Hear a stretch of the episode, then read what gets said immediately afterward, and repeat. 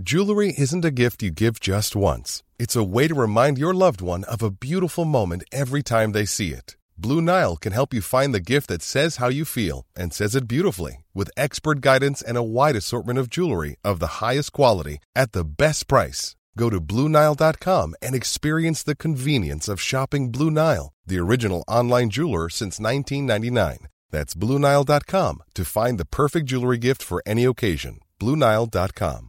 Life is full of awesome what ifs, and some not so much, like unexpected medical costs. That's why United Healthcare provides Health Protector Guard fixed indemnity insurance plans to supplement your primary plan and help manage out of pocket costs. Learn more at uh1.com. Ever catch yourself eating the same flavorless dinner three days in a row?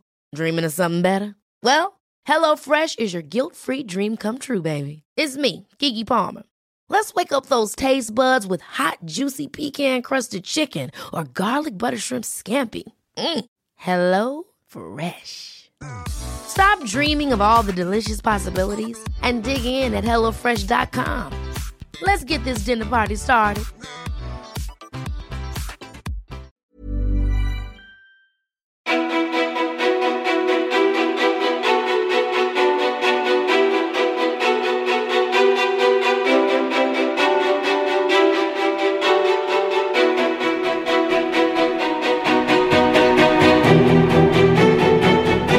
Gustav Johansson känns igen för sitt prisade varumärke Jävligt Gott.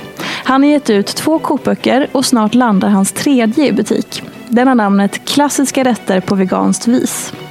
Gustav har vunnit Matbloggspriset flera gånger, driver Jävligt Gott Academy där han erbjuder onlinekurser till både företag och privatpersoner.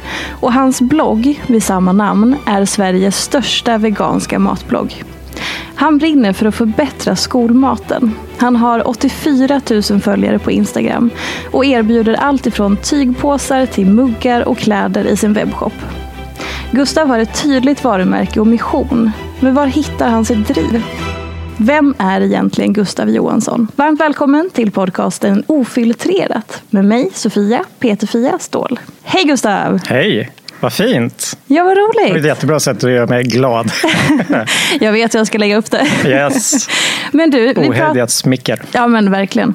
Vi pratade lite så snabbt bara eh, när vi kom in här och det blir alltid så här att jag st- eh, börjar fråga någonting och bara stopp, nej vänta nu, det här måste vi, det Det här måste får vi jag ta fråga. på, på band. Exakt, och då det var det så roligt för då sa du, eh, ursäkta jag ska bara ta en, en, eh, en sociala medier-grej och så tog du typ en bild eller en story och så. Och då sa jag det, att det är så roligt att trots att man har gjort sitt yrke som har med, alltså som, där sociala medier är en så stor del så länge. Så känner jag igen det där att man, liksom blir, att man känner lite att man måste typ, kanske inte be om ursäkt, men du förstår mer att det är ändå så här, Absolut. Absolut, men det är ju lite det är weird. inte så självklart. Nej, jag kan tycka att det är hela den här vad ska man säga, eh, behind the scenes-delen som man Ja. på något sätt borde vara bra på när man är influencer, tycker jag är jätteklurig. Alltså. Ja.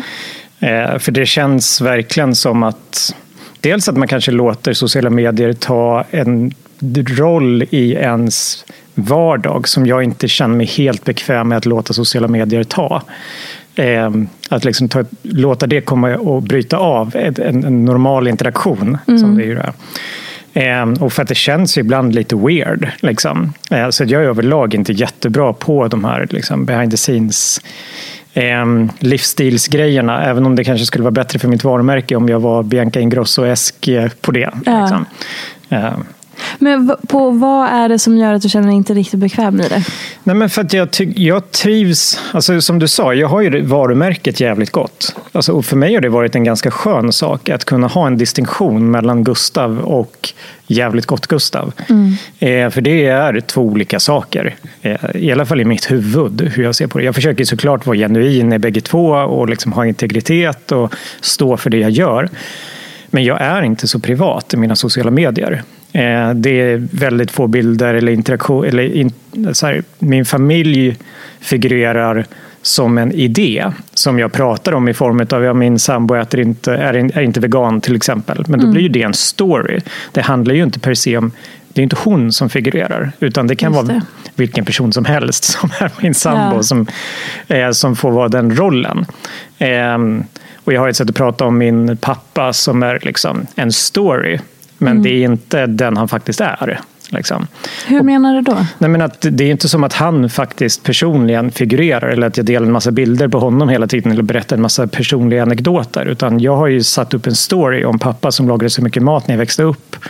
Eh, som fyller en roll i narrativet kring Jävligt gott. Just. Eh, och det gör att jag kan distansera liksom mitt privatliv från bloggen ganska mycket. Liksom. Mm. Och då blir det lite weird när man ska liksom i, i verkligheten som jag upplever är jag plötsligt liksom ska jävligt gott dyka upp och ta en bild på folk. Liksom. Ja. Har det alltid varit så lätt för dig att sortera det här? Även när du började väldigt tidigt? Eh, nej, det ska jag väl inte säga. Alltså, när jag började så hade jag för det första ingen idé överhuvudtaget om att det skulle bli så här på något sätt. Alltså, jag startade en matblogg för att jag behövde skriva ner mina recept för att jag glömde bort dem hela tiden. Det var liksom första inlägget är faktiskt så, så sjukt långt ifrån precis det vi pratar om. För det, är så här, eh, det var kvällen då jag friade till min eh, sambo. Vi Nej, har-. Vi har nu eh, tio år senare fortfarande inte gift oss. Men, Heja heja! Heja, heja. Men jag friade då i alla fall och det är liksom en bild på henne med ringen i första inlägget liksom, på bloggen. Den kan ni gå tillbaka och kolla. Liksom. Gud vad intressant. Eh, så då var jag ju extremt... Eh, men då, då var det ju bara jag och hennes familj och min familj som läste. Så då var ju Mm. det liksom en helt rimlig sak för mig att göra, tyckte jag. Eh, Ja, men, och förlåt, förlåt jag avbryter, men det blir också så här, det var ju ingen business i det då antar jag. Från början. Så det var ju Verkligen ditt privata jag Ja. som började, jag startar Ja. en blogg där jag behöver ha mina, det förstår man ju verkligen Ja, så det var ju en helt annan, helt annan grej. Nej, men det har väl varit, alltså för mig med min relation till Jävligt Gott är det någonting som har utvecklats väldigt mycket över tid. Eh, Att jag har hittat sätt att prata om saker eh, allt eftersom tiden har gått, skulle man kunna säga. Och valt att lyfta in vissa stories och andra inte. Eh, och sen, som nu med träningen är kanske det senaste som jag varit så här, okej, men det här ska jag aktivt faktiskt börja prata mer om. Men jag la in några upplägg, eller ut några inlägg för ett tag sedan där jag var lite mer så här, ah, skämtade om att nu kan jag äta mycket för nu springer jag på löpbandet och fick så sjukt mycket skit för att Just folk tyckte det. att jag vikthetsade. Eh, Så att, och då, blev det så här, då blev jag medveten om att det här är ju inte någonting jag bara kan liksom göra med en vänsterhand utan man behöver vara supermedveten om allting man, framförallt när man, alltså som sagt, när jag har 85 000 följare faktiskt. Man får mer när man släpper en bok. Ja. ja. Eh, har mycket följare och är en person som oavsett vad du gör så spelar det roll. Varenda litet budskap du lägger ut kommer tolkas. Jag la ut en bild i förrgår för att vi, jag ska börja med våra matlagningskurser igen till exempel. Då fick jag kommentarer på att de tyckte det var många människor på bilden. Och det hade inte jag reflekterat över. Det var en bild vi tog för två år sedan. Liksom. Just det med corona då. Med corona. Eh, Så varenda litet budskap du skickar ut kan tolkas. Och då är det superviktigt att du tänker på hur det här kan tolkas och du, har, du själv äger ditt narrativ. Liksom. Så det är någonting jag fått tänka på väldigt mycket liksom, och lärt mig steg för steg. Eh, och såklart har liksom efterkonstruerat ibland. Liksom. Det är såklart jag har byggt en story nu av hur jag tänkte när jag började som som det var sant, men det var inte så att det var en plan. Liksom. Utan nu i efterhand kan jag berätta om, jag gjorde det här och sen gjorde jag det här och det ledde till det här och därför nu har jag insett att det här är jätteviktigt. Men det är ju en efterkonstruktion. När jag var där så var det inte som att jag tänkte nu gör jag det här för att om tio år ska jag kunna säga det här. Liksom. Så är det ju Nej, aldrig. Liksom. Är det någonsin så att man kan säga så? Nej, det tror jag Där och inte. Och det, men det blir ju så mycket tydligare när man är en influencer och använder sig själv som en bas för sitt, sin, sin storytelling. Mm. Att eh, du har massvis med sådana narrativ i ditt liv. Jag gjorde det här som ledde till det här och det här och det ledde till att jag insåg det här. Och det för mig är det jag vill prata om idag. Exakt. Eh, för mig är till exempel en story från när jag blev vegetarian när jag var 19. Eh, som jag använde hela tiden på mina föreläsningar. Eh, för då hade jag varit jätteohälsosam sista året på gymnasiet. Jag hade fått körkort, slutat, köra, eh, slutat cykla till skolan, börjat köra bil till Burger King på lunchrasterna, börjat dricka öl, eh, gick upp typ 10 kilo, hade slutat träna för jag hade skadat mig på kampsporten jag höll på med och bara överlag var sjukt ohälsosam. Så då tänkte jag när jag tog studenten att jag måste försöka styra upp mig själv. Jag kan inte börja mitt liv som en liten lort, typ. Eh, utan självkontroll. Så då tänkte jag att om jag kan bli vegetarian, även om bara ett halvår, då, då jävlar, det skulle både vara en utmaning, för det var så långt ifrån vem jag var då. Jag åt hur mycket kött som helst. Liksom.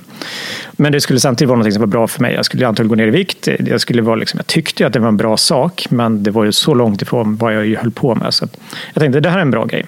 Men det var 100 procent, verkligen, eh, för min egen skull som jag gjorde det. Liksom. Mm. Men sen ut med vägen, så någonstans så hände det någonting i huvudet på mig. Och jag eh, helt enkelt insåg att jag klarade mig ganska bra utan kött. Och någonstans avnormaliserade synen på kött som mat. För det, det är en grej vi har idag. Att vi, vi reflekterar inte över det faktum att vi helt enkelt sätter ett likhetstecken mellan kött och mat. Mm, det. När, det är inte ens någonting vi reflekterar över. Det, är bara, det bara är så. Det är som att vi säger att liksom, ja, men det är såklart jag andas. Ja, men tänker du på att du andas luft? Har du tänkt på att den luften kanske varit inne i någon annan människa? Liksom? Och liksom, oh, ja, men det är massvis med saker vi inte tänker på. Liksom, ja. Som är så här, ja, men det, kommer, det tänker jag inte på. Liksom. Eh, men jag började tänka på att eh, kött också kunde vara kroppsdelar. Liksom. Och då var det så här, oj, ja, det är ju lite weird. Mm. Ser ju dina ben och de vill jag ju inte tugga på. Liksom. Det är ju så här, de får gärna sitta kvar mycket bättre där de är. Liksom. Ja. Eh, så då hände det någonting i huvudet på mig och jag liksom, blev vegetarian uppe på kuppen. Men sen när jag kom tillbaka ett år senare på reunion med klassen, hade gått ner 15 kilo, mådde som en jävla prins och tyckte allting var fantastiskt. Så, bodde i Borlänge, så jag brukar alltid berätta det här med dalmål. Så det blir Åh, gud vad härligt! Ja. Och är du från Borlänge? Ja, jag är från Borlänge. Men det har jag missat, jag är från Hedemora. Ja. ja. Nej, men det var, jag önskar att jag pratade mer dalmål, men det, ja. det blir väldigt fejk när jag försöker nu. Så det blir som den här storyn, så då kommer de tillbaka kom till, eh, och de var så här, men Gustav, vad har du gjort? Du ser mm. fantastisk ut. Jag bara, ja, jag har gått och blivit vegetarian, ja. Det är skitbra. Det är jätteroligt. Åh gud, då känner jag mig som hemma. Ja. Åh, det är så fint. Eh, och de, eh, vad sa du? Är du dum i huvudet? Jag kommer aldrig kunna äta någonting gott någonsin igen hela ditt liv. Det där är så intressant, just att man förknippar det med gott också. Mm. Att det måste, och likadant många som inte är vegetarianer tänker då att jag kommer inte bli mätt. Ja, nej men precis så. Det är bara sallad. Ja, men exakt. Typ. Och det var precis den reaktionen jag fick när jag blev vegetarian där. Liksom. För de kände ju mig dessutom som den här flintasteks-älskande, hamburgerknarkande, liksom, lätt ohälsosamma människan som plötsligt mm. hade gått och liksom vänt på sitt liv. Och hon bara, men det här går inte ihop. Du kommer inte klara av det här på mm. riktigt. Alltså, det kommer inte funka. Och för mig, det har blivit ett narrativ när jag har föreläser och liknande om att det var där jag insåg att det, det ställs ett krav på det, att du ska välja mellan att äta gott och äta hållbart. Liksom.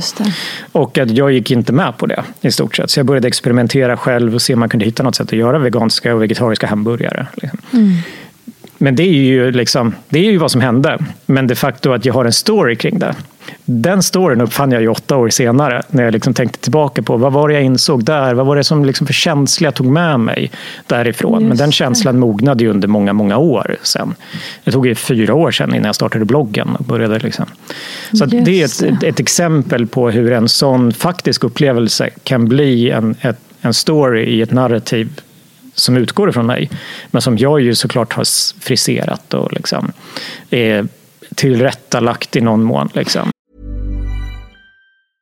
This is Paige, the co-host of Giggly Squad. And I want to tell you about a company that I've been loving, Olive and June. Olive and June gives you everything that you need for a salon quality manicure in one box. And if you break it down, it really comes out to $2 a manicure, which is absolutely insane. It's also so easy to get salon worthy nails at home with Olive and June. The difference between how your nails used to look when you did them yourself and now with the Manny system is a complete game changer. The best thing about Olive and June too is it's a quick dry, dries in about one minute, lasts for five days, and full coverage in up to one to two coats. Visit oliveandjune.com slash perfect Manny 20 for 20% off your first system. That's oliveandjune.com slash perfect Manny 20 for 20% off your first system. Hey, I'm Ryan Reynolds. Recently, I asked Mint Mobile's legal team if big wireless companies are allowed to raise prices due to inflation. They said yes. And then when I asked if raising prices technically violates those onerous two year contracts, they said, What the f are you talking about, you insane Hollywood ass? So to recap, we're cutting the price of Mint Unlimited from $30 a month to just $15 a month. Give it a try at mintmobile.com slash switch. $45 up front for three months plus taxes and fees. Promoting for new customers for limited time. Unlimited more than 40 gigabytes per month. Slows. Full terms at mintmobile.com. There's never been a faster or easier way to start your weight loss journey than with PlushCare. PlushCare accepts most insurance plans and gives you online access to board-certified physicians who can prescribe FDA-approved weight loss medications like Wigovi and Zepbound for those who qualify Take charge of your health and speak with a board-certified physician about a weight loss plan that's right for you. Get started today at plushcare.com slash weight loss. That's plushcare.com slash weight loss. plushcare.com slash weight loss. I'm Sandra, and I'm just the professional your small business was looking for. But you didn't hire me because you didn't use LinkedIn jobs. LinkedIn has professionals you can't find anywhere else, including those who aren't actively looking for a new job but might be open to the perfect role, like me. In a given month, over 70% of LinkedIn users don't visit other leading job sites. So if you're not looking on LinkedIn, you'll miss out on great candidates like Sandra. Start hiring professionals like a professional. Post your free job on linkedin.com/people today. Någonting som slår mig när du berättar det här och just sätter ord på det på det sättet. För det är ju så för egentligen, jag skulle säga egentligen alla människor håller ju på med det på Mm. olika sätt. Alltså Såklart. både i sitt pri- privatliv och eh, folk som jobbar med olika saker och sådär. Men det är väldigt få som säger det. Ja, nej, men jag har tänkt väldigt mycket. Alltså, jag ser ju mig själv som en väldigt politisk influencer. Eh, för mig är det jätteviktigt att det jag gör syftar till någonting meningsfullt. Och då blir det väldigt viktigt för mig att kunna mäta den effekten i någon mån. Jag, jag har ju jobbat i, innan jag började med det här så jobbade jag åtta år i ideell sektor i olika organisationer. Fyra år på Fryshuset, tre år in, som vice ordförande för en ungdomsorganisation och två år dessförinnan som anställd på en. Så jag har hela tiden jobbat i ideell sektor med olika typer av rädda världen-frågor. Så för mig var det en ganska naturlig sak när jag började med bloggen att fundera på på vilket sätt är det här någonting meningsfullt att hålla på med. För att jag kände att jag kan inte hålla på med en matblogg om det bara handlar om att jag ska liksom få en massa liksom cred och lägga upp bilder på min egen mat. Liksom, det känns meningslöst. Då kan jag lika gärna, alltså för jag jobbade redan på Fryshusets huvudkontor, hade ett jättevettigt jobb och kunde liksom lätt ha gjort min karriär på, i olika ideella organisationer. Liksom. Men för mig var det då väldigt viktigt att det är just vegetarisk mat. Det får människor att bete sig hållbarare och att jag kan se en effekt i det. Jag fick redan då massvis med kommentarer från folk som var så tack du har hjälpt mig att äta mindre kött. Det här funkar verkligen. De här recepten är så goda. Så det var för mig väldigt viktigt. Och då blev det superviktigt att också vara mån om att det jag gjorde var så effektivt som möjligt. Alltså, och så har jag lagt jättemycket tid på att fundera på varför äter folk kött? varför? Va, vad har du kommit fram till? Ja, men det, det är jätteintressant egentligen. Och en Ja. av de absolut viktigaste grejerna, det är precis det du sa. Att det är gott. Just det. Att det är gott. Och vi är i grund och botten ganska enkla. Alltså det är Maslows behovstrappa. Liksom. Det först så vill vi känna oss trygga. Sen så vill vi känna oss älskade. Eller trygga, älskade och eh, glada och mätta. Liksom. Sådana saker kommer otroligt grundläggande. När du väl har dem hemma, då kan du börja tänka på externa saker, andra människor och så vidare. Eh, Men de flesta människorna är inte heller jätteintresserade av mat, om man nu ska vara superkrass. För dem är det underhållning. Det är ju en jättestor ny grej, mat som underhållning. Det är näring såklart. Men det är också väldigt mycket identitet. Och det får man inte glömma bort. Alltså det är mat, musik, kläder och politik. Det är liksom de stora identitetsmarkörerna vi har. Framförallt nu när alla ser vad vi gör och hur vi Ja, väljer alltså det har med sociala blivit- medier och så. Det har ju blivit så mycket viktigare när du hela tiden behöver definiera dig själv i relation till någon annan, hur du definierar dig själv. Tidigare var det också, så- och det här är så, det här är så sjukt intressant att diskutera faktiskt. För att Ja. Man kan ta eh, eh, eh, alltså du kan ta egentligen vilken identitetsmarkör som helst och använda som exempel på det här. Men när det inte finns några alternativ så reflekterar du oftast inte över den här dimensionen i, din eh, i din identitet. Alltså innan det kom en svart person till stan så var ju alla vita och då var ju vithet en icke-fråga till exempel. Och samma sak var det med, med kött. Innan den vegetariska maten ens liksom som begrepp dök upp så var ju all mat med kött eller mejerier. Alltså det, var så här, det var ju bara så det var. Det det. var ingen diskussion, det var ingen ifrågasättning, det var liksom ingen grej. Det, det är ju ett faktum. Och där måste vi förstå att de flesta människorna fortfarande rent mentalt är. I deras huvuden är kött mat. Det är inte ens liksom det är inte ens en fråga. Det är Nej. inte liksom, utan det bara är. Precis som säger, ja, men det är såklart att vi ser färg. Vadå, liv utan färg, vad är det? Liksom, det är ju inte... Jag kan inte ens föreställa mig. Liksom. Så att, eh, det är identitet, det är väldigt viktigt. Så när jag säger vi borde äta mindre kött, då hör inte folk vi borde äta mindre gris, utan då borde vi äta konstig mat, något Mm. annat. Just det. Det är det folk hör. Ja. Så att det handlar väldigt mycket mer om det än vad det egentligen handlar om att folk inte vill äta, göra hållbara val. För det vill de flesta vill göra hållbara val. Det är bara det att man upplever att det känns väldigt svårt för man kan inte föreställa sig hur det skulle vara att inte äta kött. Eh, för de flesta har inte för det första ätit god vegetarisk mat. Eh, jag brukar säga att det finns tre stora utmaningar som håller folk från det här. Är det här nu en del av din föreläsning? Som vi Eh, ja, det är typ delar av min föreläsning. Det skulle man absolut kunna säga. Och då vill jag bara avbryta där och tänka så här. Är det som att så här, det här, vad ska jag säga, du, det ligger så nära till hands. Mm. Att när du kommer någonstans som då så här jävligt gott i Mm. ditt, alltså, ditt varumärke. Då är det alltid det som ligger liksom närmast till hands. Just som du säger, din agenda, att så här, vara en Mm. politisk influencer, ha ett budskap. Liksom alla de viktiga värdegrejerna. Ja, absolut. Eh, Och då om någon som jag som bara, jaha, vem, vem är du som person? Hur känner nej, nej, du då? Absolut. Nej, men jag tycker det är, eh, det är jätteviktigt att eh, Alltså, för precis som du säger så är det ju väldigt svårt att helt och fullt liksom särskilja Gustav från Jävligt Gott. Mm. Det är väldigt viktigt att det finns en integritet och liksom ett, en samverkan däremellan. Så för mig är det liksom, om det ger folk... Men jag ska ju vara helt krass, alltså jag är ju primärt här därför att jag har en grej, att säga. Ja, ja, men jag brukar vara det. liksom, jag brukar inte hymla med det. Liksom. Jag satt i någon workshop här i veckan och så här, eh, vad vill du diskutera? Och jag bara så här, ja, jag jobbar med det här. Jag skulle gärna se att vi pratar om det här. Jag kan, ju, jag kan prata om någonting annat, men om jag ska, liksom, ska vara värt min tid, då ska vi helst prata om det här. Ja. Eh, men jag har då- inga problem med det, så länge jag känner att det finns en poäng med det. Ja. Eh, och eh, om den poängen till exempel är att fler människor upptäcker det jag håller på med och känner ett större förtroende för mig, Ja. då är det ju jätte... Jag har inga problem med det. Liksom. Men du uppskattar inte den personliga delen av att bygga ett personligt varumärke? Ett påstående alltså? Nej, alltså jag ska säga så här. Att jag uppskattar personligen att kunna hålla en viss distinktion. För det gör Mm. mitt privatliv lite lättare bara mentalt hantera. Mm. För att jag, jag upplever att jag har en separation. Liksom.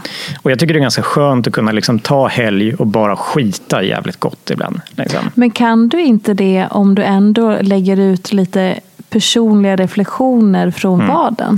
Jo, alltså jag behöver ju bli lite bättre på att göra det när det är relevant. Just det. Men ja, det är inte någonting som kommer supernaturligt för mig alltid. Alltså jag kan känna att på det sättet är jag ju inte alls en så här bra livsstilsbloggare på något sätt. För, att för mig är det väldigt det är ganska ansträngande att producera material. Mm. Alltså det är det. Att, och då så stanna upp och liksom så hela tiden i sin dag fundera på är det här content? Är det här content? Är det här content? Det skulle göra mig knäpp alltså. Verkligen. Men måste man... Eller i och för sig, kan, jag börjar, nu börjar- Mm. började jag tänka på Ja. hur jag själv förhåller mig. För jag är ju mycket mer... Ja, det är intressant att höra. Eh, Det vet jag inte. Men, nej, men just att så här, jag, är, jag tar ju lite liksom, olika delar från, från min vardag på ett annat sätt. Mm. Och jag brukar nog referera till det som att det är bara ett sätt att leva tror Mm. jag. För att det är, inte så många, det är ju såklart ett aktivt val. Men det är inte ett aktivt val som är betungande för att jag har levt så så länge. Förstår du vad jag Mm. Ja, ja, menar nej, men med jag det? förstår. Alltså, som Att sagt, det är jag som fotar ju dans, varenda liksom. rätt jag någonsin äter. Vad sa du? Jag fotar ju varenda rätt Ja jag men någonsin precis, och då tänker liksom. du nästan inte ens på att du tar upp Nej. kameran. Fast det är Nej. klart att du gör det. Men Ja. det sitter typ i muskelminnet, kan man ja, säga ja. så? Ja, alltså det är ju någonting, det har jag ju slutat skämmas för. Ja. Utan tvekan. Ja. Men, nej, men jag har väl tyckt att det är ganska skönt på det sättet att vara liksom lite mer matbloggare Mm. slash liksom debattör. För då kan jag lite mer renodla och liksom kan låta resten av mitt liv vara lite frånkopplat från det. Just det. Ehm, och jag tycker att det är ganska skönt. Mm. Liksom. Plus att min sambo är liksom inte jätteintresserad av att ha någon som konstant dokumenterar hennes liv och liksom Nej. barnens liv. Och på det sättet så får jag mer också uppleva tolerans för att jag håller på med så mycket andra konstigheter hemma. Att Som in- vad då? Ja, men som att jag till exempel, eh, det kan ta hur lång tid som helst att sätta sig och käka för att jag ska ta någon bild. Eller Eh, att jag är till att börja med sjukt eh, babblig om mitt jobb. Eh, man blir inte mindre självupptagen av det här jobbet. och älskar det, att prata om den här grejen. För liksom. att det var en grej jag tänkte på när du just sa så här, att det var så Mm. viktigt för, eh, för dig att ha, att så här, är det här meningsfullt det här nu när jag ska liksom börja Mm. blogga om mat och hela den biten och att du började Ja. få kommentarer för din mat och Mm. då sa du att nej men det hade kunnat, det kändes så här, att bara lägga bild på min mat känns inte liksom, det hade Mm. inte räckt. Nej. Men då tänker jag att det finns någonting där som heter bekräftelse. Att Mm. Ja, ja, väldigt alltså, många det- människor hade ju älskat att lägga upp bilder på sin mat och få Mm. bli hyllade för det. Och då tänker jag så här, vad har du för bekräftelsebehov? För alla har ju något ju en, ja, bekräftelsebehov. absolut, 100 procent. Alltså, det är enormt. Eh, och det ska jag inte hyckla med alls. nej, nej, liksom. men alltså, hur definierar du ditt eget Eh, nej, men jag skulle säga att alltså, och det här, jag tror att om man har den här drag, en dragning till den här typen av jobb så tror jag att man har ett visst bekräftelsebehov eh, och nog också behöver förhålla sig till det. Mm. Jag har alltid varit en person som, alltså jag kan tycka, jag brukar nästan skämta om det med mina polare och min familj ibland, att så här, det här jobbet är som gjort för mig. Alltså, Mm. Jag skulle inte kunna haft något annat jobb där jag fick vara så mycket mig själv som jag ärligt talat är. Ja. Alla mina liksom brister är att jag kan vara ganska självupptagen. Jag kan vara ganska babblig. Jag kan vara lite väl på. Eh, jag är ganska nördig när det kommer till vad jag gillar. Och liksom, jag har verkligen någon form av rädda världen-komplex. Vad har du Eh, för stjärntecken? Fisk. Eh. Intressant. Ja, jag kan inte så mycket om fisk, men Nej. jag är värdur så att jag är Ja. nästan fisk. Vi är Mm. väldigt tajt där. Okej, ja, fortsätt. Eh, så att alla de grejerna har för mig det är, saker jag, det är vem jag är. Ja. Alltså jag har snarare haft problem med det tidigare i mitt liv. Alltså på sko, I skolan fick jag alltid typ, jag, eh, eh, fick jag presentera sist på svenska lektionen alltid. För att jag, kunde, jag pratade så mycket. Så att jag, tog, jag tog tid från alla andra annars. Så jag fick den tiden i slutet av lektionen som var kvar. Eh, och jag har alltid fått höra att jag är en jävla linslus och eh, att, jag är, att jag kan babbla på lite för mycket och att jag ibland har lite dålig fingertoppkänsla. Eh, liksom.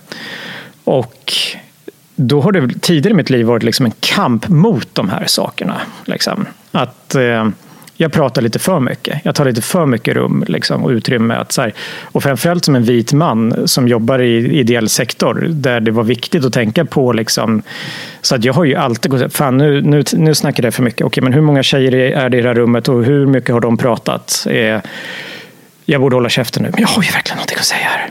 Eh, att det är liksom ett konstant narrativ i mitt huvud. Liksom, för att det är så otroligt obek- o, eh, naturligt för mig att inte bara säga vad jag tänker. Liksom. Men i det här jobbet är det fantastiskt bra. Det är, folk vill ju ingenting annat än att jag ska hålla låda. Och de tycker det är jätteskönt att jag bara kan ställa mig på en scen och bara köra. Och att jag har ett jättestort bekräftelsebehov som eh, driver att jag kan hålla på med det. Det är också en grej att jag har ju då inga problem med att folk tittar på mig Mm. och att jag står på en scen. För mig är det liksom någonting eh, enkelt. Liksom. Men det är någonting som, eftersom att dels uppvuxen i Borlänge, fan vad man har fått liksom höra eh, saker kan jag säga. Är det någonting som är, sitter i folk i Mm. just våra de här småstäderna så är det ju, ja, men om vi så Ja, bara, Jante är alltså, stenhård, alltså. Jantelagen, herregud, du ska inte Ja. tro att du är något. Nej, Nej, nej, nej. fy fan. Alltså, verkligen. och, och det kanske låter som att vi skämtar nu, men den, jag tycker att den är lite Ja, ja. vidrig. Alltså, Ja, ja. Den, den, Den är, är, det, det sitter så djupt i mig. Alltså. Ja, samma det är här. verkligen en eh, någonting jag får kämpa med. Mm. faktiskt. För att jag kan nog, jag ska inte säga, men att det, det finns åtminstone ett litet lager av självförakt. Liksom, när man beter sig som jag beter mig. Som stammar ur det. Liksom. Mm. Fan vad jag inte kan hålla käften. Men gud vad jag bara vill liksom, så här, jag känner ju, alltså det är såklart jag känner det. Men i det här jobbet så är det mer okej. Men det är som, det, där blir det verkligen så att delar av hur jag beter mig är ju, jag skulle aldrig komma undan med det på något annat sätt. Nej. jag pratar så jävla mycket om mig själv. Men- Helt sjukt. Och det som är så sjukt är också att så här, ju mer du då tar plats, syns, pratar och liksom gör Mm. allt det där som du då älskar att göra. Desto bättre är det för ditt jobb. Ja, jag vet. Så, att, så att det är ju det som blir så kompl- Alltså jantelagen mm. som pockar på där inuti samtidigt så vet du så här, mm. det här är det här som tar mig framåt. Mm. Ja, men jag vet. Och det där är väldigt klurigt. Och det blir återigen en sån här dimension där mitt privata jag versus mitt jävligt gott jag mm. lever lite i två olika världar. Eh, alltså, jag kan ju inte för mitt liv bete mig så som jag beter mig på jobbet hemma. Eller ha den, men samtidigt då, det, alltså det, jag, ska, jag vet inte, det är lite klurigt men det, det har ju verkligen varit det bästa som skulle kunna hänt mig på alla sätt och vis. För det har också fått göra att jag har kunnat acceptera den jag är mycket mer. Mm. Det jag nog mycket mer när jag växte upp kämpade med att så här, fan jag är så jävla babblig. Jag kan inte för men mitt liv. Men varför liksom. är det fel då? Alltså jag tänker ja, så här, det är väl en jag sak fick alltid man... höra att det var fel. Ja, och det kan ju säkert det kan ju vara fel om mm. man kör över folk. Om man, mm. om man typ aldrig lyssnar. Om man, men du verkar ändå ha en medvetenhet. Att du mm. sitter och så här, gud har jag tagit för mycket plats? Borde jag, liksom, du är ju medveten. Mm. Och hur kan det då vara fel? Nej, men för det, Ja, men dels därför man ju, dels inte alltid lyckas. Mm. Eh, och så för att det är jobbigt. Alltså det är ju det här konstanta inre narrativet som får en att känna att man är en ganska dålig människa. För att man inte beter sig som normen säger att jag borde göra. Jag borde vara mm. mer ödmjuk. Jag borde inte ta så jävla mycket utrymme. Jag borde svära mindre och lyssna mer på folk och liksom lämna lite mer plats. Liksom. Borde, borde, borde, borde, borde. Och samtidigt som du säger, eh, det, det jag gör på det sättet jag gör och att jag gör det så bra, det hade ju inte funkat annars. Liksom. Eh, så att jag är ju på det sättet otroligt lycklig faktiskt. Att mm. jag har fått ett jobb där jag, allting som var ett problem i mitt liv förut, eller inte allt, men många saker som jag hade svårt med att hantera och fick mig att känna mig lite konstig förut. Det är skitbra i det här jobbet. Eh, mm. Och det har ju gett mig ett mycket bättre självförtroende. Jag är ju en mycket stabilare och gladare och nöjdare och har mycket bättre självkänsla nu än vad jag hade för fem tio år sedan. Liksom. Vad skulle du säga har varit, eh, kan du säga liksom någon sekvens som har varit så avgörande eller som du kan se att så här, oj, det här förändrade någonting? Oj, det är en bra fråga. Eh, nej men alltså, jag ska säga, alltså en sak var väl bara det att bloggen gav mig ett utrymme och i början var ju det väldigt mycket bara i form av text och Instagram och skriva. Där jag kunde nästan bara föra en inre dialog mm. med för det är mycket så här, och det tror jag är ett bra Instagram-tips överlag. Liksom, att se det som att du pratar med dig själv eller dina närmsta vänner. Och det ni är intresserade utav.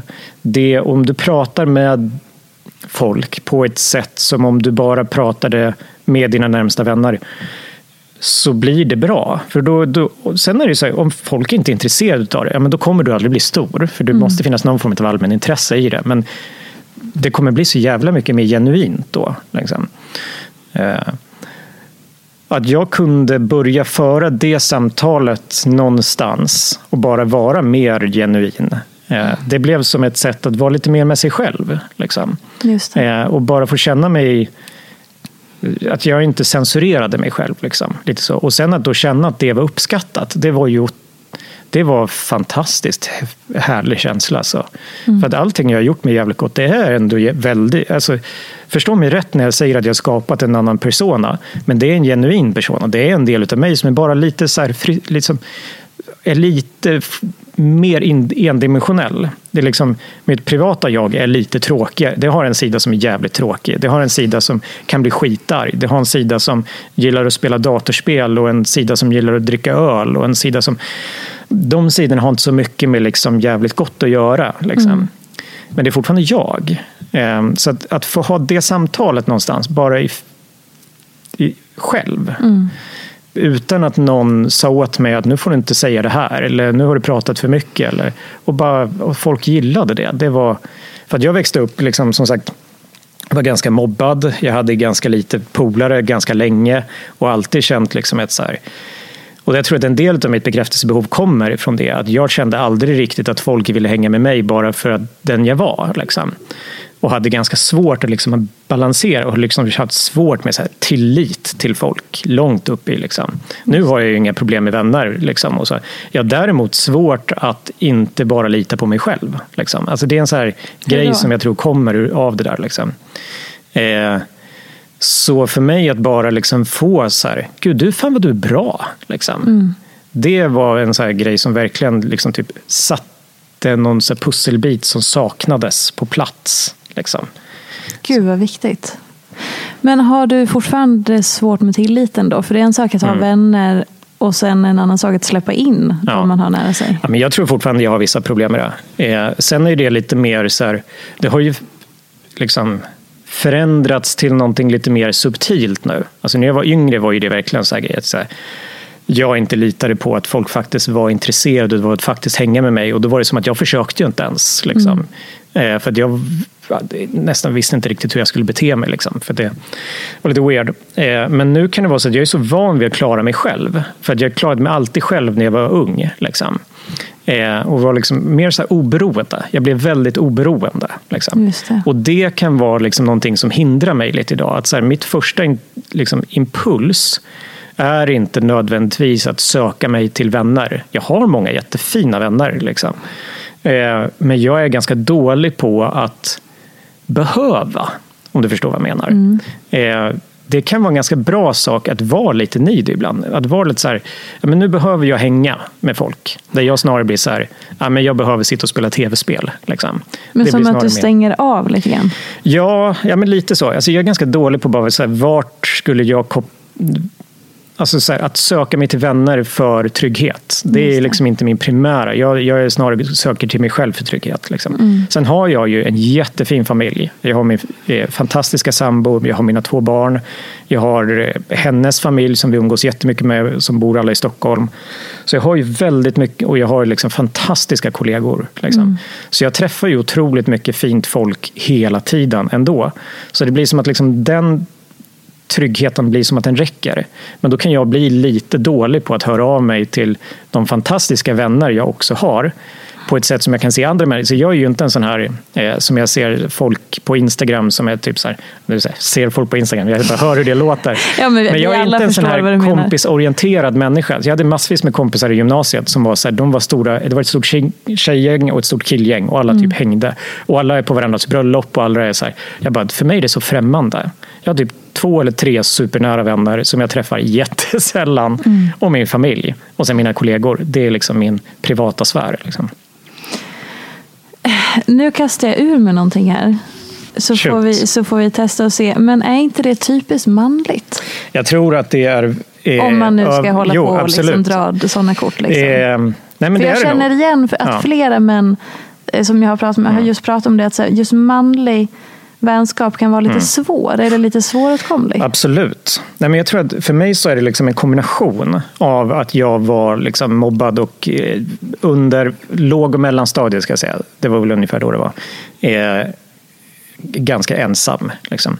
Och med att de manliga vänskaper jag skaffade sen var väldigt mycket av den karaktären att de var eh, genuina och starka men inte så känslosamma. Om du, alltså det är verkligen Just så att det. män som umgås i grupp gör det väldigt mycket kring vissa intressen. Mm. Vi spelade en massa tv-spel och datorspel och vi var väldigt goda vänner och, men vi släppte liksom aldrig till. Det blev liksom inte som att man satt där och pratade om känslor. Eh, och för mig var det också så att de människorna jag umgicks med, och det kan jag verkligen sörja på ett sätt, liksom, blev liksom jag flydde verkligen Borlänge hals över huvud när jag eh, blev liksom 20, 19-20 och kunde flytta. För mig var det liksom så här, jag hade för mycket jävla skitbagage i den stan så jag ville inte ha någonting med någonting att göra och bara drog typ från allt. Så att jag tappade ju väldigt mycket av min, och det var ganska lätt därför att det var inte, de relationerna var väldigt, det blev aldrig så djupt liksom. Eh, vi var väldigt fina, jag uppskattar dem fantastiskt mycket, jättefina snubbar. Men det blev liksom inte så djupt. Och då blev det som att man tog inte med sig de relationerna vidare i livet. Det. För det tar ett tag för en relation, upplever jag, att bli verkligen så djup. Och de vänner jag har idag, som jag har den djupa relationen med, de är antingen ganska atypiska män, det vill säga att de har lättare att prata om känslor, eller så är det tjejer. Liksom.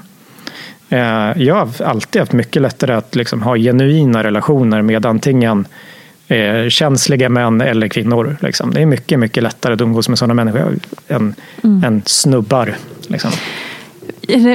jag och några eh, tjejkompisar pratade, vi har, vi har en tråd med röstmeddelande mm. som mm. vi har typ igång hela tiden, hela dagarna. En alltså, tråd med röstmeddelanden? Ja, Vad intressant. Ja, alltså. alltså jag kan varmt rekommendera. Och då så var det någon, en av, jo, en av mina kompisar skulle då beskriva en man som hon dejtar. Och så var hon så här, ja men han, han är nog lite mer alfahanne än vad jag hade tänkt, trott från början. Och så började men vänta nu, vad är alfa? Och sen kom vi in på machokultur. Mm. Och så var en av dem bara, vad betyder egentligen machokulturen? Jag tror ju att jag förstår det. Mm. Men vad är det egentligen? Och så höll vi på sådär. Och då frågade jag dig, mm. vad, hur upplever du machokulturen? Ja, men det där är, alltså jag tycker det här är det är jätteintressant. Alltså. Mm. Eh, för jag har funderat sjukt mycket och jag har alltid varit en person som har känt mig väldigt anti machomän. Liksom. Mm. Eh, dels kanske för att jag aldrig riktigt känt mig som en. Liksom. Eh, men samtidigt så ska jag ju vara helt ärlig, om jag tittar på mig själv utifrån så har jag ju massvis med machomans liksom, attribut. Jag älskar att klä mig i jeans och rutiga skjortor och gillar hamburgare och liksom, stora knivar. typ men så jag tror att det, det finns liksom flera olika dimensioner av det där. Alltså en är ju en, om man tar just macho, liksom, estetiken i form av liksom, Eh, alltså snarare så här, det finns ju en stildimension som mm. är liksom att upplevas manlig. Liksom. Yeah. Och så finns det en som jag personligen tycker är ganska skönt att kunna vara i bara för att känna mig bekväm och trygg och liksom passa in på något sätt. Liksom. Alltså det är så här, eh, jag gillar att ha lite skäggstubb och liksom kängor och liksom bara känna mig så här, för att jag får vara sån. Mm. Men det, för mig är det liksom inte konstigare än att tjejer kanske kan vara feminister och liksom raka armhålorna och sminka sig bara för att man känner sig bekväm i det. Mm. Liksom. Men det är en sak. Sen är det en annan som är snarare liksom, eh, identitet och liksom, Just det. Eh, en fråga om liksom så hur, eller snarare så här, en som kanske är mer emotionell, om jag ska säga så. och den är ju en väldigt problematisk dimension av den. Därför att väldigt mycket, den föds ju, upplever jag, i hur män lär sig att hantera känslor och umgås med varandra.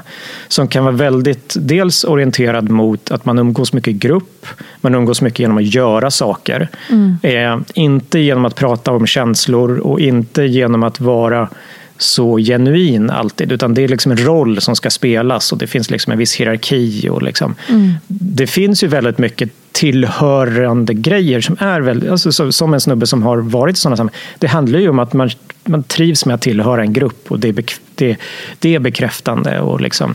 Men det är inte så att du nödvändigtvis varken då lär dig eller får ut så mycket emotionell trygghet ur det. Liksom. Utan du, du, du, tillhör någonstans. Och där är det ju väldigt mycket så att jag tror att de här männen då får det istället från sina flickvänner som är mycket bättre på att uttrycka känslor. Med dem kan de prata, med dem kan de vara ärliga, uttrycka alla de här sakerna. Men eftersom att många av de männen aldrig fått träna på det i något sammanhang liksom, mm. så kan det bli problematiskt. Framförallt då om man hamnar i grupperingar som bygger en del av sin identitet på att inte vara kvinnliga. Liksom. Då du förstärker de här manliga attributen ännu mer. Du ska verkligen inte prata om känslor. Du ska verkligen kanske typ så här, spana på brudar. Och liksom, då blir det ett sekteristiskt nästan vi och dem-tänk mellan män och kvinnor. Alltså jag känner flera män som verkligen de facto de upplever sig inte kunna ha kvinnliga vänner. Eh, för att, för att de är så primade på att umgås med män och mm. att se kvinnor som eh, och förstå mig rätt när jag säger det här, för det är liksom deprimerande nog som objekt mm. i det att de är inte personer man har vänskapsrelationer med, utan de är personer man erövrar och har liksom, partnerrelationer med. Ja. Liksom. Eh, och då blir det som att så då har du en viss sorts umgänge med kvinnor och en viss sorts umgänge med män, vilket blir väldigt begränsande. Men eftersom att de här manliga sammanhangen då saknar vissa dimensioner utav emotionellt utrymme att uttrycka sig eller vad det kan vara. De gör ju inte alltid det, ska jag tillägga.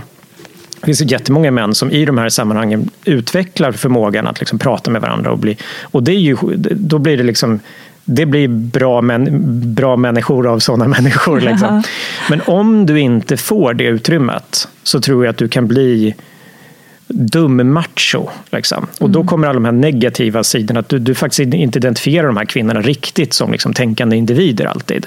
Eh, och att du själv utvecklar vissa negativa beteendemönster som är liksom faktiskt inte sanna och liksom verkligen förstärker bara negativa macho liksom, normer och dåliga skämt. Och, liksom. Men det handlar ju om, som det alltid gör när det blir sekteristiskt, ett vi och dem-tänk. Liksom, där man hamnar i sin lilla bubbla som blir sann i sig, men som faktiskt saknar en massa dimensioner. Och så är det, det är samma för veganer, eller för muffar eller SSU-are eller vad det nu ska vara. Du hamnar i en gruppering med en sanning. Liksom, eh, där reglerna funkar i den, det sammanhanget. Liksom. Så att, mm, jag tycker att den machomannen är ju liksom jag tycker ju synd om dem ibland. Liksom. Mm. Eh, och för att de verkligen skulle behöva. Däremot ser jag ingenting negativt med liksom, i sig machoidealet. Lika lite som jag ser att kvinnor vill sminka sig. Liksom. Alltså, det är ju två olika sätt att bara uttrycka sig. Live and let live för fan. Liksom. Eh, och det finns ingenting som säger att bara för att du eh, till exempel attraheras utav att själv eh, känna dig och se ut på ett visst sätt eller om det nu ska vara så att göra saker som upplevs som macho, köra motocross och jaga eller vad fan det nu ska vara. Att det behöver vara något negativt, det är bara en uppsättning intressen. Liksom. Så länge du är en emotionellt mogen människa som kan hantera din omgivning. Det Och är snarare väl ofta där det brister. Ja, det är där det brister. Ja. Och det är ju jävligt synd om mm. sådana människor som inte fått de verktygen när de vux- vuxit upp på grund av att vi uppfostrar män fel. Och för, så det finns absolut en dimension, tänker jag, i hur... Och jag vet inte vad som är biologiskt och vad som är socialt. I don't have clue. Det är ingenting jag tänker sitta och spekulera kring. Varför män tenderar till att umgås på ett visst sätt och varför kvinnor tenderar till att prata mer om känslor på ett annat sätt. Liksom. Men fan vad män skulle behöva prata mer om känslor. Liksom. Fler unga killar skulle behöva fler kramar, brukar jag säga. Liksom. Det, Verkligen. eh, så Och- det är ett jätteproblem, tycker jag. Ja, och, och att bli liksom... Eh, för det är många, som, många män som uttryckte så här, inte sluta krama sina, sina pojkar som Mm. börjar bli fyra, fem år. Då är det som att då slutar man krama dem, eller man slutar trösta dem, eller man slutar fråga dem när, så när de Mm. Ja, ja, jag fick höra när jag var typ 6-7 att så här, sluta gråta, du är, en du är en man. Liksom. Ja. Man up för fan. Liksom. Ja, Eh, och så slutade jag gråta. Liksom. såklart, man stänger av det. Nej, det här passar inte.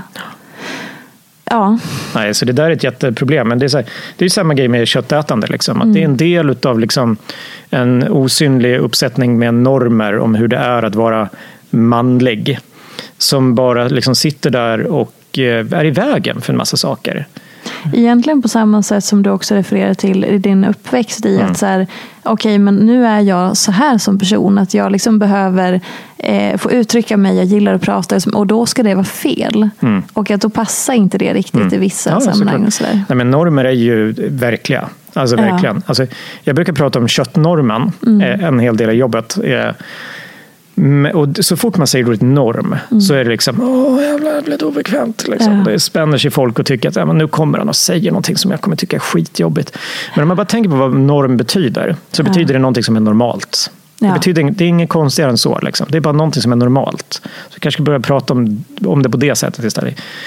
Och det är det som är problemet. Att normala saker behöver inte vara bra saker. Nej. Det är bara saker vi är vana vid. Liksom. Det är någon som har bestämt det någon gång och så blev Ja, det så. så, det, var liksom, det är någonting som sitter i väggarna. Mm. Liksom.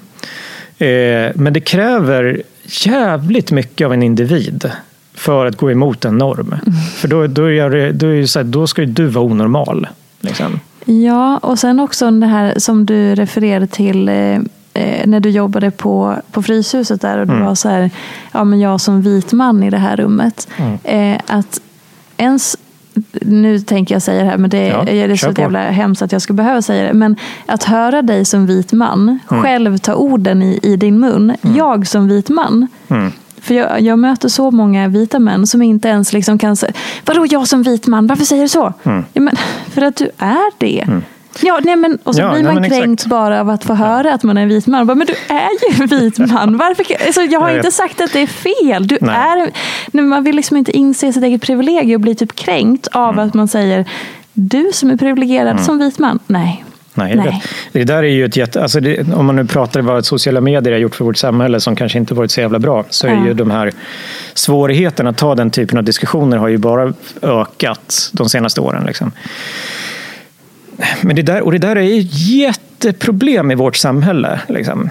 Att det är så svårt för folk överlag att se bortanför sin egen situation. Och jag tror att folk har ju alltid haft det så. För att någonstans, det, man får bara utgå från att det är så folk funkar.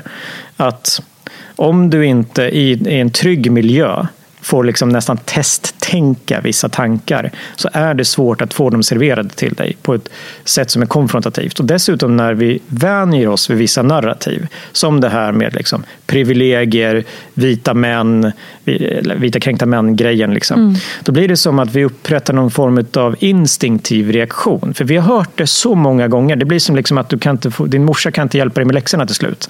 Utan någon annan måste göra det. Det är för att du är så van vid att hon tjatar. Liksom. Så jag tror att många reagerar instinktivt på ett, liksom, på ett sånt budskap snarare än att reflektera över det. Men Och förlåt, men en teori, teori som jag också upplever ofta är att, att eh, och det kanske har med hela Mm. känslogrejen att göra, men att, att en del män har svårt att ta bort sig själv som individ ifrån Mm. Ja. diskussionen. Och det är tror att det- därför man blir kränkt. Ja, Alltså, men men vi pratar ju på en gruppnivå, en strukturell nivå. Mm. Men att då blir det att den personens individ är med hela tiden. Ja, ja, men exakt. Men det där är, jag skulle säga det där, och här tror jag det är jätteviktigt också bara för, för det konstruktiva samtalets skull att säga att det de facto inte är män som har det här problemet. Utan alla människor som sitter i en privilegierad situation Absolut. behöver anstränga sig rejält för att se sina privilegier om man inte eh, upp, hamnar i någon situation där det blir väldigt tydligt för en. För att det hör till privilegier i sig att du inte märker av dem. Exakt. Det är liksom hela essensen av dem. Eh, det, är, alltså det är just den här, det är när du blir, går utanför normen som du blir onormal. Annars är du normal. Det är när du bryter status quo. Jag brukar prata väldigt mycket om friktion i mitt jobb. Alltså när jag försöker förklara för folk varför är det svårt att göra hållbara val. Det är för att det är när du ska sluta flyga, sluta äta kött, sluta köpa nya kläder, sluta köra bil som du får problem. Så länge du gör det har du inga problem. För att konsekvenserna av de problemen, det är inte dina problem. Liksom. Du märker inte av det i din vardag om du bor i Sverige. Liksom. Eh, utan det är först när du gör någonting åt det här, när du bryter normen, som du får friktion i din vardag och då har du plötsligt ett problem. Privilegier dock utgår ju från hela idén om att du bara genom att vara kvinna eller svart eller funktionshindrad eller icke-heteronormativ eller vad det nu ska vara de facto har problem. Då har du friktion i din vardag. Därför att, och det är det här som kan vara svårt för vissa män att acceptera, eller vissa vita män som är heterosexuella och icke funktionshindrade, och så vidare, att acceptera detta. Därför att i deras liv så är det här liksom, det är en icke-fråga. Det är ingenting de någonsin ens... Om de inte bara lyssnar in någon annan och bara säger jaha, det säger du, okej, det säger du. Så du menar just att jag tog ditt jobb, är du dum i huvudet? Liksom. Eh, det gjorde jag ju inte. Jag sökte det här jobbet som alla andra. Liksom. Eh, precis som så här, vadå, menar du att jag plötsligt förstörde klimatet? Jag åt en jävla hamburgare. Är du dum i huvudet? Liksom? Jag, jag såg inte liksom någon form av värmebölja explodera ut i min mun precis. Kom igen. Liksom. Skärp dig, liksom, ansträng dig lite mer. Typ. Eh, men för mig så var det faktiskt så att det faktum att jag var mobbad under min uppväxt, det faktum att, eh, och det har jag pratat om på bloggen en del, men det är inte jättemycket, men att min pappa hade alkoholproblem till exempel. Eh, och det färgade min uppväxt jättemycket. Eh, och eh, lite andra sådana saker. Liksom. Det gjorde att jag tyckte att livet var fett orättvist under mina första år. Jag tyckte att all, varför jag? Varför den här skiten? Liksom? Men sen insåg jag ganska snabbt också, som redan som ung, alltså redan i typ högstadiet, att jag hade läshuvud. Jag var, och, även om jag varit babblig, har jag alltid varit jävligt bra på att prata. Liksom. Eh, och att jag fick så mycket dörrar öppnade för mig. Jag gick med i SSU när jag var 16.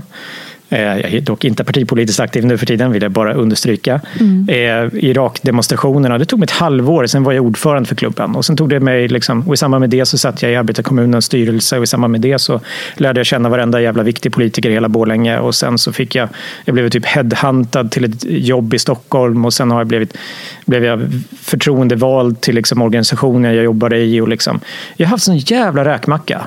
Liksom. Fan vad enkelt jag haft det. Liksom. Eh, och för mig har det varit kombinationen av att känna att livet var jävligt orättvist ett tag, men sen att det verkligen inte var det gav mig väldigt tidigt, jag brukar säga att mina två mot, eller mitt motto här är ett av mina motton här i livet, åtminstone, det är det här with great power comes great responsibility. Mm. Eh, eller som Bamse eller Pippi säger, den som är mycket snäll eller måste vara mycket, den som är mycket stark måste vara mycket snäll. Yeah. Liksom. Och jag fick det väldigt tydligt för mig, dels att livet kan vara fett orättvist. Liksom. Jag fattade inte varför min farsa var tvungen att vara så jävla arg, varför alla mina klasskompisar var tvungna att vara så jävla elaka. Liksom.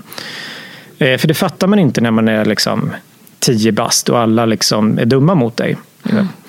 Eh, men jag fattade också att jag hade det fett lätt. Jag gick ut med bäst betyg i hela högstadieskolan när jag gick ut. Liksom. Och det var inte för att jag var så jävla smart, utan det var för att jag bodde, gick i en skola med väldigt mycket invandrarkids. Liksom.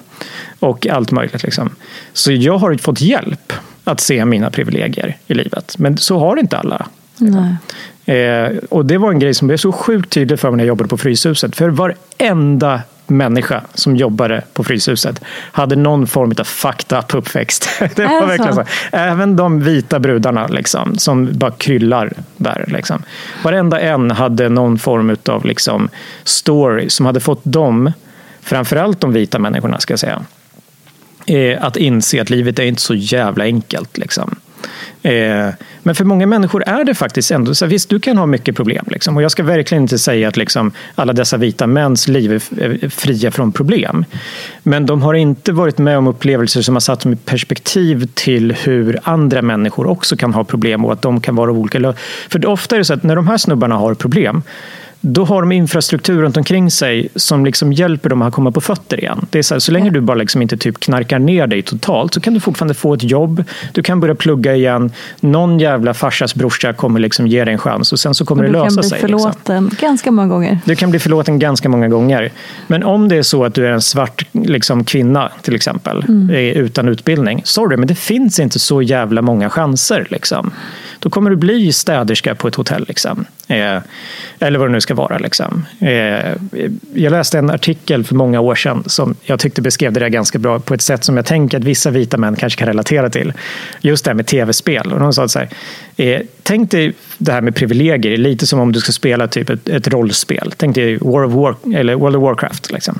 Det är bara det att du får inte välja vilken gubbe du ska vara och vart du får börja, utan det, det är rent slumpmässigt. Liksom. Mm. Och vissa människor de kommer börja med fett mycket pengar.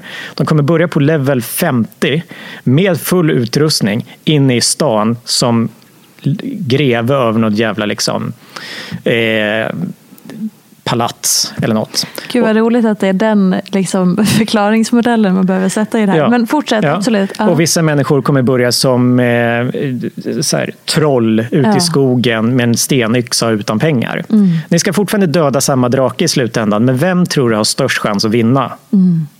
Här, det betyder inte att det här trollet inte kan, men det får jobba fan så mycket hårdare. Liksom. För att folk kommer vara så att du är troll. Du får inte komma in i den här stan. Liksom. Mm. Eh, du har inga pengar. Du kan inte liksom, sova här. Eh, du har ingen yxa, så du måste liksom levla upp några gånger innan du ens kan liksom försöka dig på att döda den där draken. Medan den andra snubben föds med en jävla liksom, drakdödar-svärd. Liksom. Yeah. Så bara, vem tror du kommer döda draken först?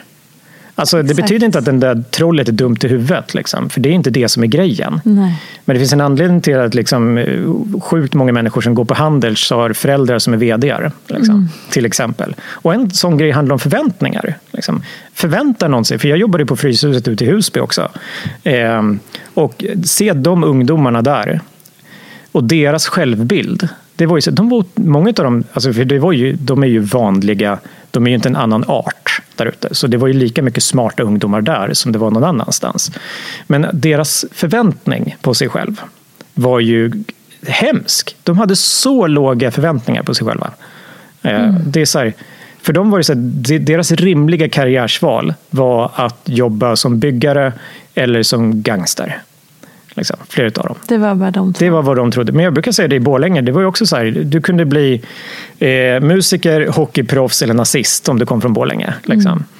Mm. Eh, det var liksom det som förväntades av folk. Liksom. Eh, så att, eh, det är ja. en annan grej som jag tycker i liksom alla de här eh, diskussionerna som man hamnar i också är att det är Stockholmsperspektivet på allting. Mm. Och mm. när man kommer från en, en liten stad i Sverige så ser man en helt annan verklighet i vem, vad ska jag säga, vem, vem gemene man är. Mm. Alltså, och alltså jag lägger ingen värdering i det, utan bara så här, Stockholms personen är inte representativ för Nej. liksom hur verkligheten ser ut ute i landet. Förstår du vad jag menar med det? Absolut. Och jag tror att många, alltså jag kan tycka att det är lite konstigt, vi pratar så mycket om förortsproblemen till exempel. Mm. Nu sparkar vi till bordet här. Ja då. Om folk undrar vad det var. Eh, när det i grund och botten är problem som jag växte upp med också. Alltså, eh, jag, gick, jag vet inte om du lyssnar på den här dokumentären om familjen som gick på P3? Nej, men den är på min lista. Ja, mm. den är skitbra. Och den har ju, familjen har ju funnits med under uppväxten som ja, någon så här... grej. Ja. Liksom. Men eh, jag är, den butiken som de rånar i första avsnittet med en hagelbössa, där köpte jag mitt lördagsgodis varje dag när jag växte upp. Liksom. Ja. Eh, och jag kände Eddies familj och bodde ganska nära där de växte upp. Liksom. Så, och även om de var några år äldre, de var eh, sju, åtta år äldre än mig. Liksom. Mm. Så mina polare i låg och mellanstadiet såg ju upp till de som hängde med dem. Om man säger ja. så. Det går så här, tre års sjok liksom, med kids. Så jag växte upp med folk som nu, jag vet ju inte ens vart många av dem är. Eh, jag vet att några av dem knarkade som in i helvete, några av dem hamnade i fängelse. Och liksom. mm. Så väldigt många av de där sociala problemen som, jag, som vi nu pratar om i förorten, där vi har eh, kriminalitet som normaliseras mm. eller så där vi har eh, drogproblem, unga som växer upp utan positiva förebilder. Det var ju verklighet i, i Borlänge på 90-talet redan. Men gud vad sjukt att du säger det. Alltså, jag, det, nu var det som att en, ja, verkligen. Vi hade ju fem mord på fyra år eller något sånt i Hedemora. Mm. I ja. Hedemora, det finns 8000 ja, personer i stan. det var det. ett polismord. Det var en av mina kla äh, klasskompisar, en, en kille som gick i parallellklass. Han äh, dödade, mördade båda sina föräldrar när de låg och sov. Men gud. Äh, vi hade änglamordet. Mm. Vi hade en, någon också knarkhärva mm. med en Också någon ung kille som gick samma skola som jag, mm. vars mamma blev mördad på sin restaurang för att hennes pappa, eller vad säger hans pappa, hennes man, eh, satt i fängelse och anlitade någon som skulle mörda henne. Alltså det, det är ju min verklighet, min uppväxt. Ja. Men jag har aldrig, att just, gud vad sjukt. Mm. För att man är så van med att det pratas om förorten. Det här är ju vår uppväxt i ja. Dalarna, Hedemora, Borlänge. Ja, verkligen. Alltså om jag tittar på mina låg och mellanstadieår och de för sen när jag gick på gymnasiet, då mm. gick jag på den enda liksom, natur, naturskolan i hela stan och då var det liksom utsållat wellbreeds. Liksom. Mm. Eh, så då var det bara folkmusiker från Gagnef som skulle oh, bli läkare hela bunten. Eh, men ända fram tills dess så var ju det en helt annan värld. Då var det ju en, själv, liksom en helt naturlig sak att eh, det var ju, jag hade en klasskompis som eh, gjorde precis som eh, familjen Gänget rånade någon, eh, något lager nere i stan som eh, hade en massa så här, eh, dynamitklassade eh, fyrverkeripjäser. Oh, och mer eller mindre som handgranater och gömde dem bakom vår skolgård. Eh, liksom. Så det var så här, eh, så det var någon, någon, unge som hittade den här liksom, bomben. Eh, det var helt sjukt. Eh, honom gick jag i samma klass med. Liksom. Ja. Eh, och jag vet det gick ett rykte om när jag gick eh, i högstadiet eller kanske var gymnasiet, att en av mina det var en snubbe som la ut en lång Facebook Flashback-tråd som hette Min 15 dagars tripp. Som beskrev i detalj hur han var hög som ett hus i 15 dagar och slutade med att han blev utslängd av sina föräldrar på gatan. Oh, eh, och då gick det ganska starkt rykte att det var en av mina gamla klasskompisar också. Uh. Så det var ju så här, så för mig har det varit alltid väldigt tydligt att det här är ju sociala problem som mm. kommer utav när det är många människor på samma ställe som har mycket utmaningar och det inte finns tillräckligt stora och starka eh, strukturer runt omkring som fångar upp de här människorna. Exakt. För, det, om det är människor, för de flesta av de här, nästan alla de här killarna hade ju föräldrar som var kaos. Liksom. Det, han som mobbade mig mest, hans farsa var typ biker. Liksom. Eh, och det gick rykten om att de hade hittat någon, poli, någon pistol på vinden och vad det nu var. Liksom.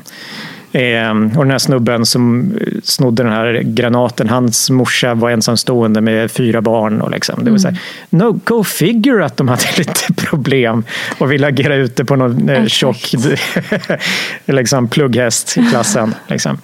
Nej, men, eh, det är så jävla tragiskt då att man försöker koppla, så, så som det var ju, om det var för någon vecka sedan när Stefan Löfven sa ju att eh, allt det här med den här kriminaliteten hade med invandring att göra. Mm. Och då när någon av Miljöpartiet, jag kommer inte ihåg vem av dem, sa så här, det har inte med det att göra, det har med fattigdom att göra. Mm. Och med segregation. Ja, man tycker det är lustigt att sossarna ska behöva få höra det. Liksom. Ja.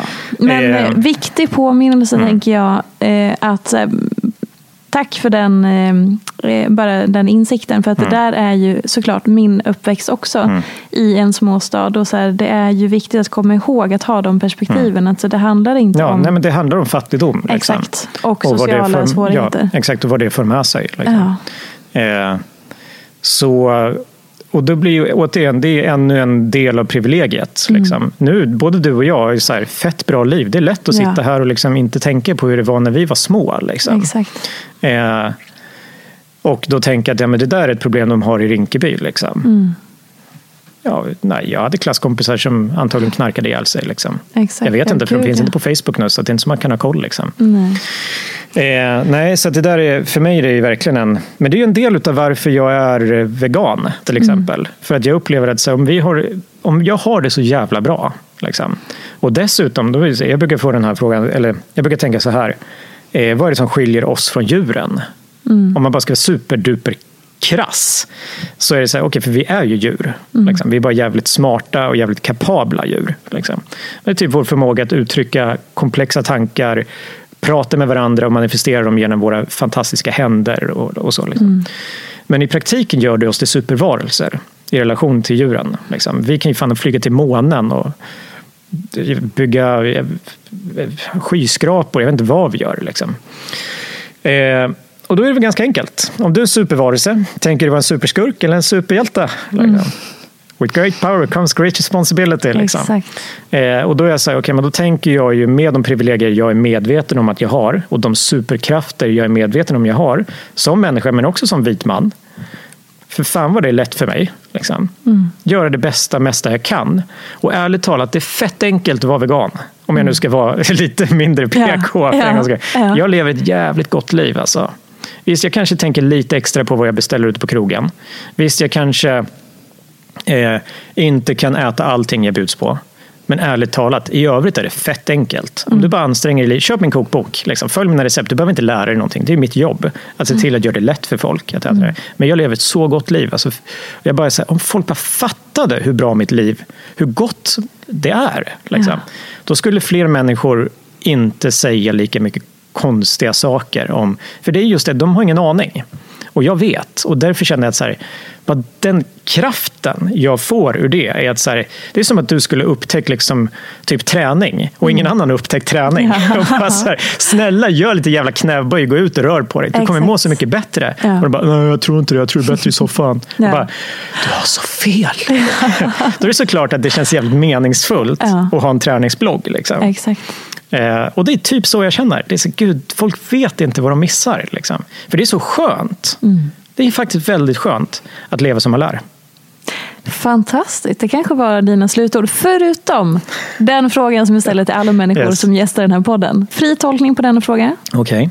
Vad är inte som det ser ut? Oj, vad inte som det ser ut. Eh, sociala media och eh, nyheter och andra människor. Åh, intressant eh, trippel där. Perfekt. Bra. Och upprepa igen, vad heter alla dina tre kokböcker? Eh, jag har faktiskt fyra. Jag gjorde en på fyra nu? eget förlag innan dess också. Eh, Wow. den heter Jävligt god barbecue från Ja. 2016. Går att köpa på min webbshop. Det finns ingen annanstans tyvärr. Eh, sen är det vegansk husmanskost som kom förra året och vego i världsklass som också kom förra året som vegansk träning, eller växtbaserad träningsmat. Ja. Och eh, nu nya boken som kom i eh, tisdags faktiskt. Grattis. Tisdags. Klassiska rätter på veganskt vis. Hållbara recept på maten du inte kan vara utan. Eller vill vara utan. Det är jävligt smart. För en del i att så här, bli vegan eller att äta med vegetariskt är ju att man vill så här, efter, efterlikna lite. Mm. Men det blir ju sällan bra. Om man tror att det ska smaka exakt likadant. Men Nej. du kanske har lyckats. Ja, Man men jag, ska säga, ja, men jag ska säga så här, för det där är faktiskt, vi kan avsluta med det, men Ja. det, det är faktiskt en jätteviktig poäng. Eh, att anledningen till varför det ska se ut som kött, eller kan se ut som kött, det är för att folk gillar rätterna. Och det är Mm. inte rätterna det är fel på. Vi byter ut några råvaror bara så får du behålla dem. Och det kanske inte blir exakt likadant. Men å andra sidan, två köttfärssåser från två olika personer är inte exakt likadana. Ja. Det viktiga är att det är jävligt gott. Och det kan jag garantera. Underbar slutknorr. Man kan tro att du har gjort det här förut. Och följ på Instagram, jävligt gott Gustav. Eh, Snabbla jävligt gott bara. Ja, det var det också. Just det. det var inget Gustav där. Nej. Perfekt. Tusen tack för att ni har lyssnat. Tack för att du kom hit. Vi Tack hörs själv, nästa Fia. vecka. Följ mig gärna i sociala medier. Jag heter Peterfia på Instagram och bloggar på peterfia.se. Vill du komma i kontakt med mig så gör du det på info.peterfia.se. Jag vill rikta ett stort tack till Acast för studio och stöttning och ett stort, stort tack till geniet Elin Sjödén som klipper den här podcasten.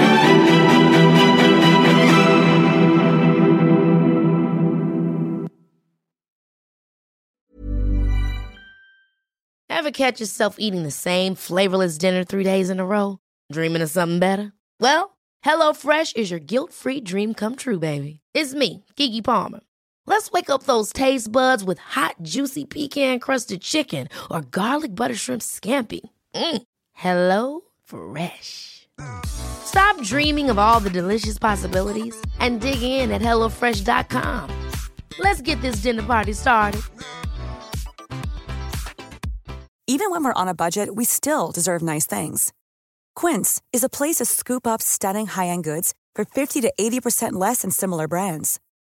They have buttery soft cashmere sweaters starting at $50, luxurious Italian leather bags, and so much more. Plus, Quince only works with factories that use safe, ethical, and responsible manufacturing. Get the high-end goods you'll love without the high price tag with Quince. Go to quince.com/style for free shipping and 365-day returns.